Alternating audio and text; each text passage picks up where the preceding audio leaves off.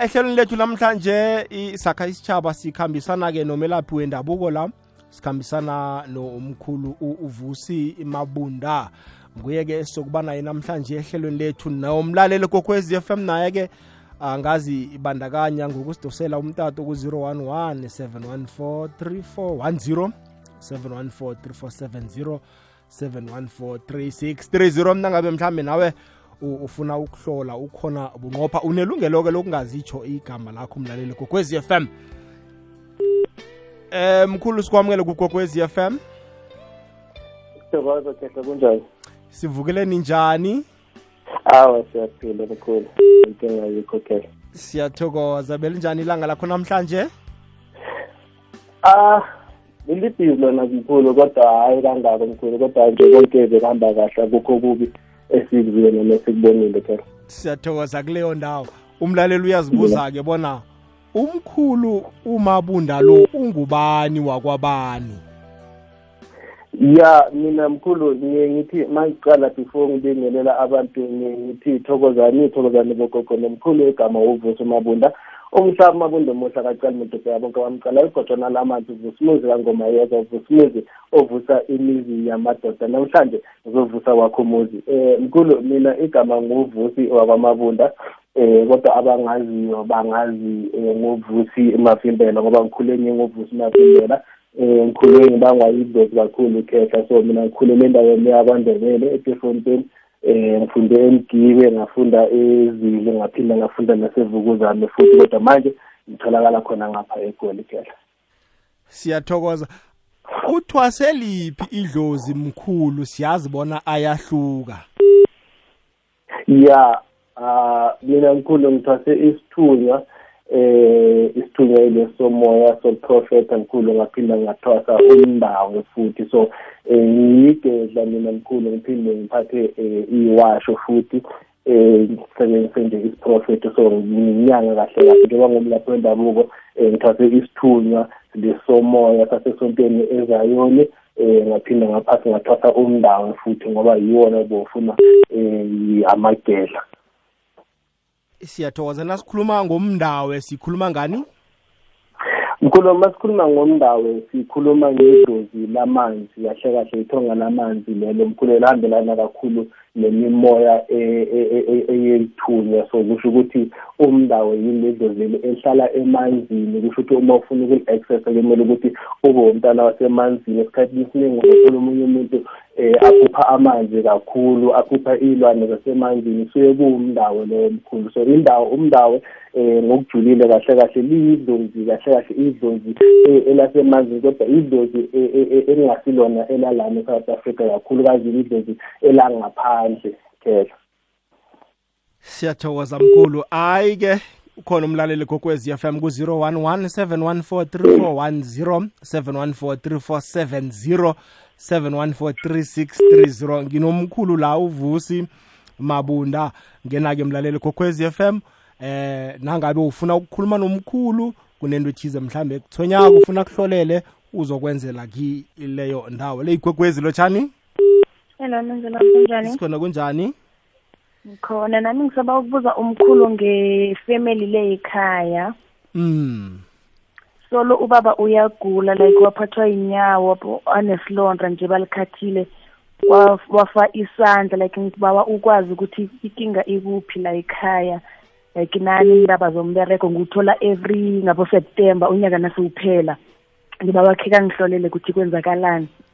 Bamba lapho dadewethu. Umkhulu uyamuzwa? Ngiyamuzwa mkhulu kodwa ngimzela ka- ngimzela kude kakhulu Okay, kodwa- oh ngithi mina bengifuna ukwazi ngobaba mkhulu ukuthi solo uthenya kugula akapholi. Ngifuna ukwazi ukuthi inkinga ikuphi singalungisa kuphi ukuze abe right.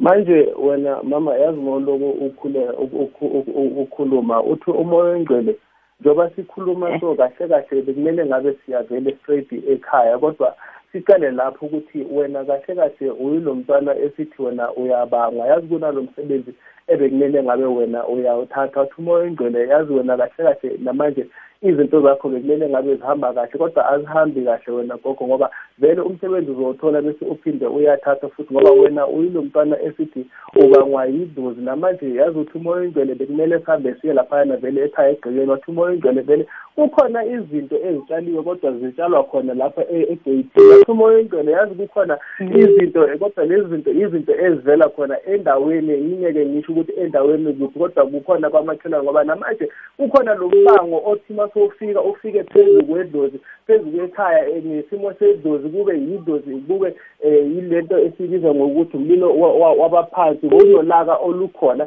phezu kwasekhaya ngoba ubaba kukhona lesi sikolodo anaso athi umoya oyingcwele namanje bekumele ngabe siyalandelisisa silandelisise kahle kahle esimeni sakhona sasomshado ukuthi ingabe banomama bayashada nawe athi umoya oyingcwele cha kodwa lokho asake kwenzeke ngendlela ebeku- bekumele ngabe kwenzeka ngayo ngoba namanje mase sibamba uvela lento vela njengomlilo wabaphansi ngoba lento ihamba bese ibambe nawe futhi ngoba vele umsebenzi uzowuthola kodwa bese uthi umsebenzi ujike uya- u- u- uphele futhi wathi umoya oyingcwele vele la sizohamba sifike nasesimeni sabantu sabantu besilisa wena ngoba namanje bekumele ngabe sithi wena uyachatha bese uphinde udilize futhi izinto zakho zingahambi kahle even nakhona khona lapho. Khuluma ngiziko okay eh, ngiyakuzwa ngoba namanje ngithole umsebenzi ngomeyi bathi uzakuqala next month kwaba ngujuni waphela. Na-friday ngikhulume nabo bathi ngizacala namhlanje ngi-twenty-five but abakangifoneli Yeah, abakashoneki angithi- angithi gogo uzothi wena njalo uma kumele ngabe izinto zakho ziyalunga njalo uma kumele ngabe uyaziphatha izinto zakho bese zifike bese ziyadikibala futhi njalo uma kumele uphathe into enhle kube ngathi vele iye iyeza iyeza bese ijike ibuyele emuva ngoba vele leso isimo sedlozi wena gogo isimo sedlozi ebekumele ngabe namhlanje wena uyasi-athenda ngendlela e-right. Gogo wena hamba ufike ubuze ubaba wakho ukuthi ingabe basebenzisa kahle kahle banoma wakho ngoba namanje kuvela umbango kodwa lo mbango lona uvela njengokuthi wena ungumntwana obangwa yidlozi thokoza. Gogo okay ngiyathokoza baba Siya- siyathokoza dadewethu. Le igwekwezi lotshani? Igwekwezi Alibinjo lapho. Kun- sikhona kunjani mama? Hello, sikulalele mama. Njani? sivukeleni njani? Khona mina mina kunelinye engiliphuphayo nakabe nomuntu wami. Ngibhudanga umuntu wesifazane ngilwa naye. Strong mara umuntu loyo akangibethi mina ngibetha yena. And right ungaba nalo muntu wami. Kwenzeka ngiphupha lelo phupho mara angazi ukuthi lisho ukuthini. Uyamuzwa mkhulu?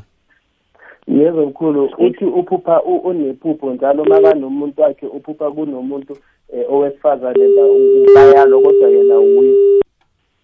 Usasekhona? Iye, u- u- ukhambile mkhulu. Pheze umzwila kungendlela akhulume ngakhona. Ya no loko kusuke kuyisichitho leso wena kehla kukhona umuntu a- esingathi babanganaye.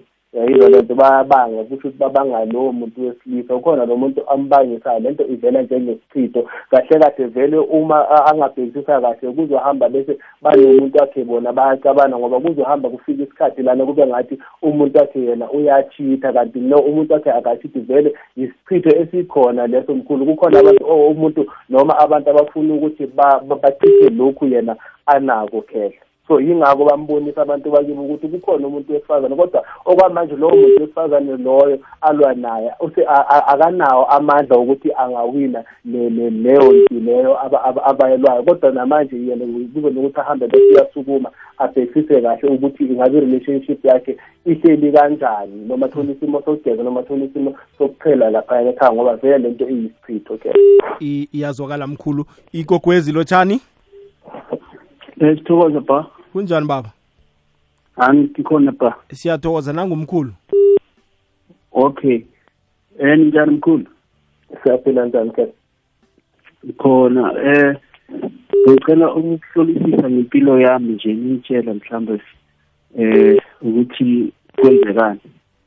yazi wena mkhulu njengoba usa- usa- usangena nawe uthi umoya engcwele kahle kahle bekumele ngabe wena uyakhuleka kodwa uthi uma ukhuleka uthathe iy'bani ezintathu isibani esiblu nesibani esimhlophe nesiyelo athi umoya engcwele kukhona umoya ebekumele ngabe siyawukhulula kuwena ngoba kahle kahle wena uhamba nje uhamba nomuntu o- o- o- owesithunya wena. Nalini imoya yesithunya wathi umoya engcwele yazi bekumele ngabe wena namanje ukhuphukela phezulu entabeni uhambe uyokhuleka noma ungathola isidule bese ushise impepho yakho bese uthole i- i- i- into eyisinefu bese ukhuleke lapho wena mkhulu emalanga amathathu kukhona ozo- o- o- o- okuzoshintsha lapho ngoba namanje wena uma lokuthi uyakhuleka uyakhuluma wena wathi umoya ingcwele vele kukhona le mimoya wena ohamba nayo kodwa yimimoya yesithunywa kodwa ihamba le mimoya bese ibuye ivala iy'nto zakho kangangokuthi namanje wena mkhulu wena uyilo muntu ngathi uthanda ukuthi uhambe ube wedwa njalo njalo kube ngathi abantu abakuthandi namanje wena kumele ngabe uba yilo muntu wena besingathi unesichitho kodwa akusona isichitho mkhulu. Leyo yimimoya mkhulu wena ohamba nayo wena mkhulu ngoba singahamba bese sifike even nasemaphusheni wakho wena mkhulu kukhona lamaphupho ohamba bese uyawaphupha kodwa kube amaphupho wamanzi nokuba amaphupho oyilwane wena khetha namanje wena uma ucala wena uthi uyakhuluma nje vele kuphefumula wena mkhulu isimo sokuthi kumele ngabe umuntu okhulekayo kakhulu thokoza ke. Thokoza baba U- kuyazwakala baba? Eh ngiyaku- ngiyakuzwa baba sho ukuthi eh ngale ndlela ngicela ngayo ngizalandela lo mthetho bese ngiza right. Okay baba siyathokoza. Awuzweke igogwezi lotshani hello? Kunjani baba? Uthokoza mkhulu kunjani ah siyathokoza. Nangumkhulu khuluma naye. Iye ngithi mkhulu bengiba ukuhlola ngempilo yami nasemndenini ukuthi koko kusakuhamba kuhle ya mkhulu. Yazi mkhulu uma sikhuleka kunje mkhulu thobani igama bengiba akalisho ungazitsho mm. sorry? Bengiba ungazitsho igama mkhulu. Mkhulu masiloko sikhuleka uthi omoyengele kahle kahle bekumele ngabe vele siyavika bekumele ngabe siyakhulekisa kakhulu esimeni somoya. Athi umoyengele yazi wena njengoba ukhuluma namanje bekumele ngabe siyakuvikela kodwa sithi uma sesikuvikela sikuvikele ezitheni mkhulu yazi namanje ngibona i- i- i- i- i- isibhaba mkhulu noma i- i- u- umeze mkhulu kahle kahle kunengozi eloko wena ikulandela kancane mkhulu athi umoyengele yazi kunalo mbango okhona ekhaya kodwa kubuye kube khona iy'nkulumo mkhulu athi umoyengele yazi namanje wena khetha moloku uphefumula. Bekumele ngabe siyahamba sifike sihlalise abantu bomndeni phansi sithi uma sikahlalisa phansi mkhulu kube nento engathi ibizwa nge- ngentambuluko mkhulu. Athi umoya engcwele njalo njalo wena mkhulu wena ma uthi njalo wena mkhulu kwakho mkhulu awufiki la kumele ufike khona wena khetha ngoba namanje izinto mkhulu ukuthi bena bekumele ngabe siyahamba hamba mkhulu bese sivike lento eyingozi nakhetha ngoba iyakulandela kancane kancane mkhulu ngoba lento ihamba bese ithukuthelisa abantu abaphansi mkhulu ithukuthelisa idlozi ngoba kukhona intambuluko ebekumele ngabe ikhona pha ekhaya lapha ekhaya mkhulu ngoba namanje lento ithi uma seyivela mkhulu ivela isimo sedlozi bese siba nokuthukuthela phezu kwempilo yenu mkhulu ekhaya bese kuzoba ney'nkinga eziloko ziba khona mkhulu kodwa le nkinga iyohamba ihlale kuwena mkhulu ngoba namanje uma ngithi ngiyakhuluma kuthi umoya engcwele kukhona lo muntu wake wahamba ngesikhala ekhaya mkhulu namanje lo muntu uthi makahamba bese uyabuya wena khetha ongathi namanje lento ibuye bese iyanembatha ekhaya kumele ngabe siyazika kakhulu wena khetha ngoba kwaba kwaba khona isimo sokuthi wena mkhulu kube khona umuntu ekhaya azithole wena a- ashona nge- nge- nge- ngengozi noma ngento e- eyisikhali mkhulu namanje ibuye bese imbathe khona lapho ekhaya khetha. Khuluma nami hayi uzwakele mkhulu ngiyathokoza. Okay siya- siya- siya- siyathokoza baba. Le igwegwezi lotshani? Thokoza kunjani? isikhona kunjani baba? Thank you man. Eh man nami ke ke ngihlolise la man ngizwe ukuthi kwenzekani zama mkhulu uyamuzwa? Ngiyamuzwa okay khuluma nomkhulu nango Thank you mkhulu. Ngihlolisa mkhulu. mkhulu Ngithi hambe ngihlona man kini ngenze la ngijeje.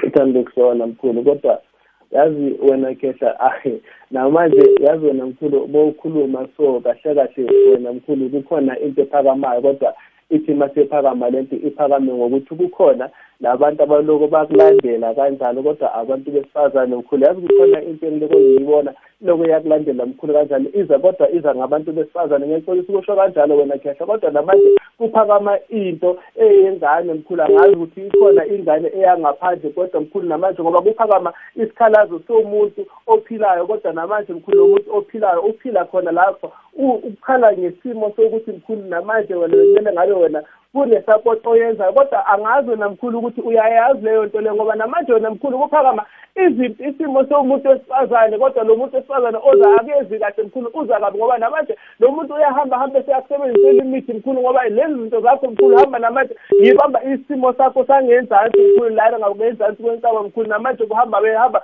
njalo ukuthi uma ufika enkonzweni nasekalweni mkhulu izinto zakho azihambi kahle kehla khuluma nami M- mlaleli lami Yebo. uyamuza umkhulu akukhulumako kukhona kuyenzeka kuwe kancane kunala kufana khona. Ya, vele into eziningi vele ziyenzeka zona. into ayikhulumileko uyayivuma? Ngiyayivuma. okay baba siyathokoza. Ukho unawo omunye umbuzo? Hawu bese ngiyo le phela. okay siyathokoza baba. Soza kuthatha inomboro zakhe nakaqedako siyathokoza. Iyapanyazela imtatu kwekwezi? Akwande bisola ninjani? Siyaphila njani? siyaphila mama. Nginomkhulu la umkhulu uvusi mabunda. Nango khuluma naye mama. Eh mina mkhulu ngiyabuza ukuthi ngalimali emsebenzini sekuyi-five years. Abakhona ukungibhadela emsebenzini imali kwani nangibafonelako ba- bakuthembisa ilangelo iso bathi sifonele ilangelo iso ngelangelo bafonela ngalo aba- abasaphendula amafoni and le ndawo engalimala kiyo ayisangiphathi kuhle bengibuza ukuthi ngalimala ngokwazini noma ngalimala ngokwezandla zabantu. Mkhulu? Mkhulu no umama kuzomele ukuthi athole isimo so- so- sokugeza wena khehla aphahle. Umama bekumele ngabe unezinto lezi uyahamba aziyele entabeni noma lezinto lezi aziyele emsamo ekhaya. Bese uyaphahla wena mkhulu azicele lezinto lezi wena khehla ngoba vele imali wena khehla kuye vele ayihlali. Umama nanoma ngabe imali uyayithola ayihlali wena mkhulu ngoba lento ihamba hamba bese iphenduke isilwane phezu kwakhe. Njalo njalo uma kumele ngabe uyayiphatha into eyimali kuba khona lesilwane engathi siyaphekeza sivele sivimbe wena mkhulu ngoba namanje umama makaloko akhuleka noma akhuluma umama kwayena emoyeni akakhululekanga ngesimo sempilo yakhe vele siyavuma kodwa lento ihamba bese ibe yisichitho umkhulu ngoba kunesichitho ahamba naso umama kodwa lento ihamba bese iphenduke isilwane ivile yonke into yakhe wena mkhulu. Njalo njalo umama naye vele nanoma angathi uyayiphatha imali ayihlali vele ngeke ize ihlale imali. Kumele ukuthi umama ahambe yena aye entabeni ayozikhulekela ngoba lento lena isisi ukuthi ngathi yena angazenzela yena awu noma ahambe aye emfuleni afike emfuleni bese uyanikela wena khehla. Anikele kakhulu futhi nakuqala ngoba izinto zakhe zizoqala bese ziyavuleka. Kodwa kancane kancane mkhulu ngoba vele namanje kumele ngabe ziyavuleka ziphinde zivaleke vele ngoba lento uhamba nesilwane umama kodwa lento yathi maseyifika yafika njengesimo someko wena khehla yathi maseyifika yafika yamshaya kodwa kwaba yinto ehleli futhi ngoba namanje ngibamba ichalo ngapha emuva wena khehla liyahamba hamba bese liba buhlungu noma lingathi liyaqinelana wena khehla angazi mina ukuthi yini into engiyizwayo kodwa namanje uthi umoyindele vele umama bekumele ngabe yena uyaziphathela lento lezi kodwa manje athole isimo sokuthi alungise lo meqo ngoba vele lento lena wayithola ngomeqo mkhulu. Ma ungathini umbuzo mhlambe? Uma uthini lapho? Ngibuza nakathi mece ngoba bengifuna ukwazi mhlambe le mali nalo bayivalile lo mece umuntu owayenza wayi- wayivala nokuthi ivaleke ukuthi ngingabhadeleki ngoba ngale imali emsebenzini e-labour bayangijikajikisa akazi ukuthi kwenzekani. Mkhulu no khona lento lesingasho sithi ivaliwe kodwa lento iyinto eyisichitho wena mkhulu iyinto esichitho iphenduka isilwane lento lena ngoba vele kwayena akuyona akusiyo yodwa le mali lena e- e- e- engayitholi wena mkhulu. Ugogo nanoma imali athi ayiphatha vele ayihlali yiko ngithi mina kumele athole isimo sokugeza athole isimo sokulungisa lo meqo lona aphahlelwe ugogo. Izinto zakhe zizobala uzoyithola le mali ngoba futhi kuseduzane ukuthi ayithole leyo mali leyo. Just noma angenza lokho nje kuphela mkhulu ngoba vele singathi sithi ivaliwe leyo mali leyo ivalwe umuntu kuba ngoba vele lethi ihamba bese iphenduke isilwane kodwa kuyinto vele eyafakwa umuntu umama wayenqa manje ma akhe ngibuze la into azikhulumako umkhulu indaba yemali injalo na? Iyahlala imali kuwe? Hawu yona iya- ayihlali isiyangena iyaphuma iyangena iyaphuma iserareke eyayizwa-ke lento kutsho khona-ke bona niza kuthintana-ke ngale komoya ma. Um Siya- siyathokoza kileyo ndawo mlaleli. Kokwezi FM thumela iimemezelo zabasitshileke ephasini ehlelweni siyokubonana kweliza elingena ngamalanga waphakathi kweveke ebusuku ngemva kwendaba zesimbi yobunane. Thumela nge-email uthi info at ikwekwezifm co za ikwekwezi fm ne-sabc education bakulethela ihlelo okungakafaneli likuphunde nakancani emvekeni ezilithumi nambili zonke siyadlala siyafunda. Ihlelweli lizokutshetsha khulu ukuqakatheka kokudlala phakathi kwabantwana nababelethi. Siqale khulu abantwana kusukela ekubelethweni kwabo kufikela eminyakeni elithumi nambili. Vumela abantwana badlale khona bazokuphumelela emfundweni zabo. Kuvuseleleke godu kuqine ubudlelwano phakathi komntwana nombelethi khumbula ukudlala nomntwana kuqakathekile. Ngelwazi elinabileko lalela ikwekwezi fm qobe ngelesithathu nayimathumi amathathu ngemva kweyethoba ekuseni. Sabc education enriching minds enriching lives. Nambala leyikwekwezi fm kokhanya ba 5211 ku-90.6 ka 107.7 fm hayi sikhambisana nomkhulu la uvusi mabunda. Sizoyivala ngasikunini ku-011 714 3410 3630 kuba kuhle-ke ungene bunqopha emoyeni umkhulu uthi ufuna ukuzwa iphimbo lakho wena siqu sakho. Akhone ukukusiza ekhabo lakhona. Akhe siye emtatweni mkhulu gogwezi lotshani? Igogwezi Hello, kunjani? Ngiyaphila mkhulu. Kunjani? ngiyaphila kunjani yebo. Hello? Ngiyaphila gogo bengicela mkhulu umhlole.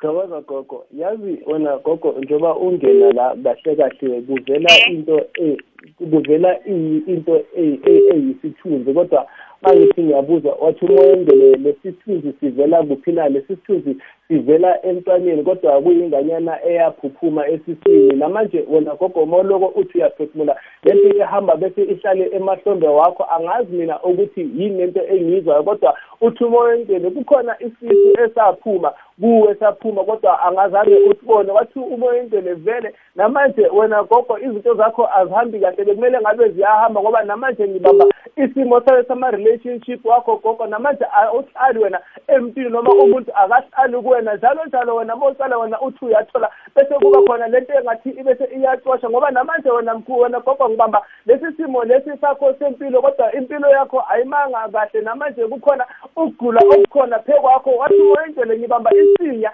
isinya sakho gogo zihamba bese siyaxokozela njalo njalo kuhamba kufike isimo sokuthi wena ngathi ungazithola usesikhathini kodwa bese ungafiki esikhathini ngoba kunesikhathi lapho uhamba khona bese kube ngathi wena isisu sigcwala umoya kube ngathi wena ukhulelwe kodwa wathi umoya intwele cha akukona ukukhulelwa njalo njalo wena gogo kukhona lesi simo sempi somntwana owaphuma esiswini sakho gogo namanje uhamba bese uvala iy'nto zakho wena gogo khuluma nami ngizwe yebo ngilalele mkhulu khuluma gogo ngizwe ukuthi lo uyawayazi lento engikhuluma ngayo lapho kodwa kodwa. Eh, ngiyayazi mkhulu. O i- i- iyayazi i- Nkosi. ikhona dadewethu into ayikhulumako. Azange u- um uqinisile khona azange ugeze gogo. Cha zange ngigeze cause nama-relationship nginesidina sabantu.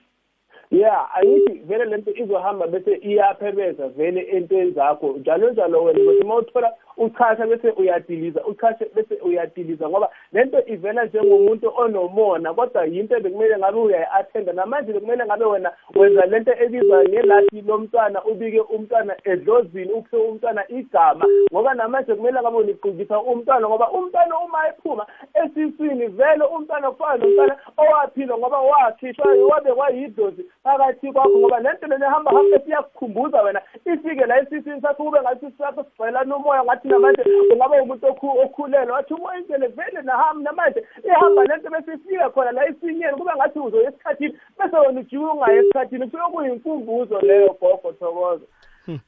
O ngithokoza mkhulu. Siyathokoza dadewethu awuzeke. Gogwezi lotshani Hello, kunjani baba? Sikhona kunjani? siyathokoza. Kukhuluma nomkhulu ukulalele. Sithokoze eh gogo. Thokoza khe sekunjani Ngibawa ungitho ungihlole eh gogo nginenkinga nyana.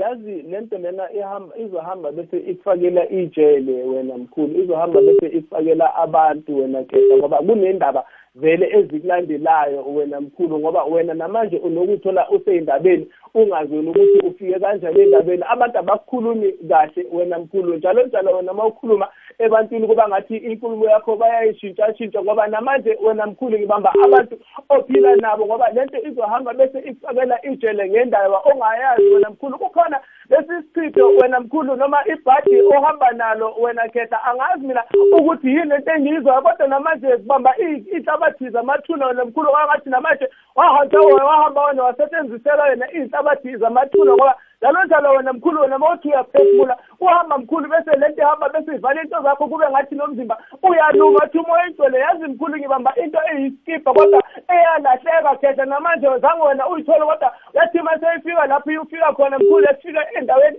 engekho right noma ezandleni ezingekho right wena khetha namanje wena into zakho zivaliwe kodwa zivalwe umuntu into zakho kodwa zivalwe umuntu onomona. Namanje kumele ngabe mina ngibiza umngani kodwa ngithi uma sengibiza umngani ngimbuza ukuthi ingabe wena umenzele ukuthi ngoba lento iyohamba hamba bese sifakela ijele mkhulu khuluma nami ngizwe. Hayi yawe um injalo uqinisile mkhulu injalo indaba le. And then nginenkinga mani ulo umuntu engihlekisana naye mani uphela amandla uthi bathona ngikhuluma naye uyadineka so into efana lo angazi ukuthi yenziwa yini. Chitho leso mkhulu vele unebhadi wena khehla njengoba ngisho kuney'nhlabathi zamathuna owasetshenziselwa zona wena mkhulu namanje vele into izohamba bese ikufakela isichitho noma ijele ngoba njengoba ngisho ngithi wena mkhulu njalo uma ukhuluma nomuntu kuba ngathi inkulumo yakho ingaphendulelwa wena khehla ngoba kuzothiwa ngelinye langa wena wathi wena ungakushongo lokho wena mkhulu ngoba lento ihamba hamba bese ikufakela ijele mkhulu ngoba iyisinyama lento lena wena khehla. Nabantu abakuthandi kangako wena khehla ngoba namanje makumele ngabe uyakhuluma into kumele ukhulume into kuze kube kathathu mkhulu. Ngiyathokoza. Amen ngiyathokoza gogo. Siyathokoza baba. Gogwezi ngiyathokoza. Mindlo lapha kunjani baba? Sabo ukhuluma nomkhulu lapha iya ukulalele baba. Siyakwazi siyakwazi. Mkhulu siyakwazi mkhulu. Ngicaba ungikhanyisele mkhulu. Ya mkhulu yazi njengoba ukhuluma la kahle kahle kuvela into eyinhlanhla angazi mina ukuthi isibongo sakho ngowakabani mkhulu kodwa mina ngibamba ukuthi kukhona labantu abakhulu mhlambe abantu abaphezulu ebesingathi amakhosi wena akubethe kodwa namanje wena mkhulu yazi umbethe abantu ebekumele ngabe sithi bake baphatha emhlabeni kodwa abaphatha isizwe wena mkhulu ngoba lento ithi mase ifika kuwena ukhetha ifike njengento engathi ibuye bese iyakusizela mkhulu. Kunenhlanhla ebekumele ngabe siyayilandelelisisa kahle wena mkhulu kunebani ebekumele ngabe siyakukhanyisela zona mkhulu. Yazi bekumele ngabe wena sithi namhlanje wena khetha wazalwa wembethe wena mkhulu wena wazalwa wembethe inhlanhla kodwa namanje wena khetha bona into zakho mkhulu zihamba hamba bese ziyancipha zihambe phansi mkhulu into zakho ngoba wena bekumele ngabe namhlanje uphila impilo engcono ngoba kukhona labantu bekumele ngabe siyabaphakamisa namhlanje wena khetha abantu ebekumakhosi mkhulu abantu abamakhetha wena mkhulu wena wembethe amakhetha mkhulu thokoze ngize mkhulu. Thokoza mkhulu. Mayisilungisa kanjani into enjalo mkhulu? Mkhulu kunenhlanhla ebekumele ngabe siyayilandelisisa mkhulu kunebani bekumele ngabe siyakukhanyisela mkhulu sikufake emanzini bese mkhulu sikuphahlele kahle kahle sivuse wona lamakhehla phezu kwakho mkhulu azokwazi ukuthi akuphe zonke ley'nhlanhla lezi ekumele akuphe zona mkhulu. Okunye mkhulu siyokuphilela eceleni thakoza as in like ngithwase mkhulu. No hayi seniza kukhuluma ngeqadi baba. Uzokuthini inomboro umkhulu siyathokoza job yezwa. Uzeke baba siba ukuthatha wokuphela le igogwezi lotshani yebo njani? Isikhona kunjani mama? Nangumkhulu khuluma naye. Eh ngicela ukufuna angikhanyisele kunjani kwakho ngiyaphila kunjani? Ngiyaphila nami yazi gogo angazi mina ukuthi eh yini lento engiyizwayo. Kodwa yazi njalo uma uzela wena gogo kukhona lesi simo esibekwe sikulandela njalo. Kukhona uphakathi wena ebesingathi wena noma unukwa bona noma izindaba wena ebesingathi unukwa zona wena gogo ngoba namanje kukhona lento lena ehamba nawe gogo ngoba kukhona isichitho noma ibhadi elapha wena gogo. Sasekhona gogo. Ukhambile mkhulu. Awuzongithinta eceleni mkhulu. Ya, ngokungithice mkhulu ngoba angithi manje angeke akwazi ukuthi aziphendulele yena mkhulu kunjalo kodwa kunjalo. vele kahle kahle u- u- u- u- unokunukwa wena mkhulu kodwa unokunukwa lo muntu unokunukwa eh uphakathi a- anuke wena khehla. Kahle kahle vele akathandwa yena mkhulu ngoba kukhona lesi sithunzi ahamba naso kuyisithunzi esingekho right esimzondisa ngabantu wena mkhulu ngoba namanje sibamba isimo se- se- se- se- sasekhaya noma sasendlini labo sibe kumele ngabe sithi ukhuseleke khona esimeni saka sakababa kodwa akukho loko wena khehla ngoba kukhona nezinkulumo eziloko zimlandela njalo ney'ngxabano ezikhona wena mkhulu angathi namanje vele ugogo vele uthwese isilwane kwangathi kukhona isilwane noma isipoki esavuswa bese sayo wathwesa sona phezu kwakhe mkhulu. Mkhulu akasekho ukuthi azikhulumele mkhulu. Ngicabanga ukuthi sibambe la namhlanje asithi inomboro omkhulu la atholakala khona nala ya kuthi inomboro nekhaya la utholakala khona. Mina ngitholakala ku-zero eight four nine seven two nine six three four zero eight four nine seven two nine six three four. Ngiyatholakala ku-whatsapp ngiyafoneleka futhi. Tholakala ejemistin egoli kodwa ngiyatholakala nasekhaya kwandebele um ngama-appointment mkhulu um naku-youtube ngiyatholakala khehla um kungoma yeza t v ku-youtube channel yami ingoma yeza t v. Thokoza mkhulu. Mkhulu akhe sibuyelele uthe 084 nine seven two 972 nine six three four. 9634 yebo mkhulu ngiyatholakala ku-whatsapp ngiyafoneleka futhi kehla 084 uthe ku-youtube utholakala eh, nge- ngegama elithini? Ingoma ingoma yeza t v. Ingoma yezwe tv no no not ingoma mkhulu ngoma yeza t v. Emkhulu abantu abacayile bayangifonela nje bathi khuluma. no ah, ngoma yezwa T- eh, tv ne? Ya ya ngoma yeza t v mkhulu ngiyatholakala lapho. Eh mhlawumbe if aba- abayifuna i-channel and then bangayithola lapho and then bese-ke ba- bangakhohlwa ukusubscribe kufacebook? Okay mm, mm.